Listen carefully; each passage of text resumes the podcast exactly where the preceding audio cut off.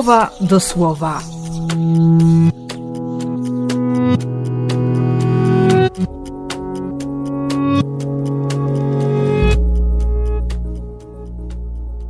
Szósty maja, sobota.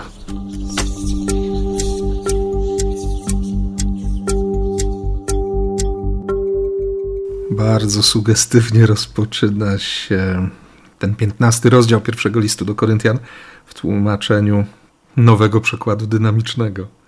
Bracia i siostry, wygląda na to, iż nie od rzeczy będzie przypomnieć wam dobrą wiadomość o ratunku w Chrystusie, którą wcześniej wam głosiłem i którą przyjęliście ode mnie. Ona bowiem jasno i klarownie wskazuje drogę zbawienia, którą powinniście kroczyć i na której, czego oczekuję, będziecie trwać, chyba że uwierzyliście na próżno. No właśnie to na próżno, bezcelowo, daremnie, bez znaczenia. Powtarzanie jest, jest matką studiowania, więc faktycznie nie jest od rzeczy przypominanie.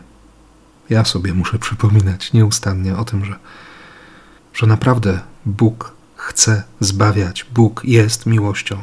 Bóg daje łaskę. Niemożliwą łaskę. On niemożliwie kocha. Nieprawdopodobnie ufa i, i wierzy.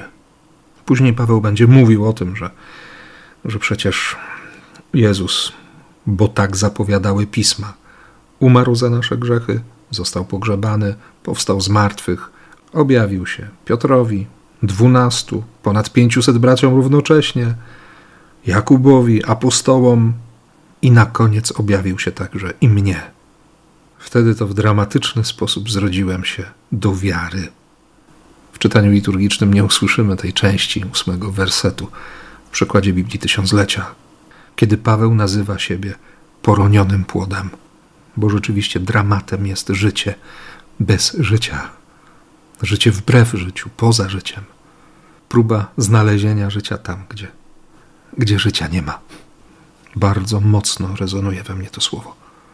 Na tyle mocno, że, że błogosławię Boga, że Ewangelia dzisiejsza, mimo że ze święta apostołów Filipa i Jakuba, jest kontynuacją wczorajszego słowa, gdzie powtórzony jest szósty werset czternastego rozdziału redakcji Jana. Ja jestem drogą, prawdą i życiem.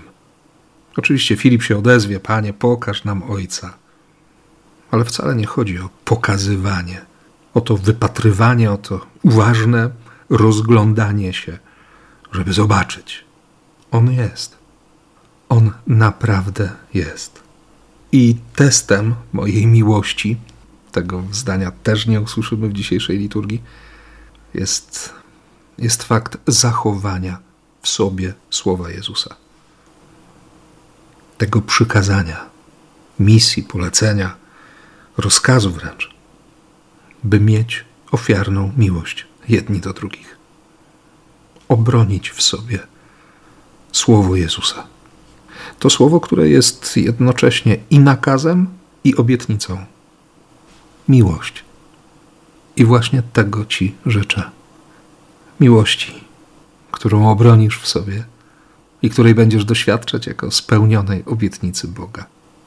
I tym bardziej Cię dziś błogosławię. W imię Ojca i Syna i Ducha Świętego. Amen.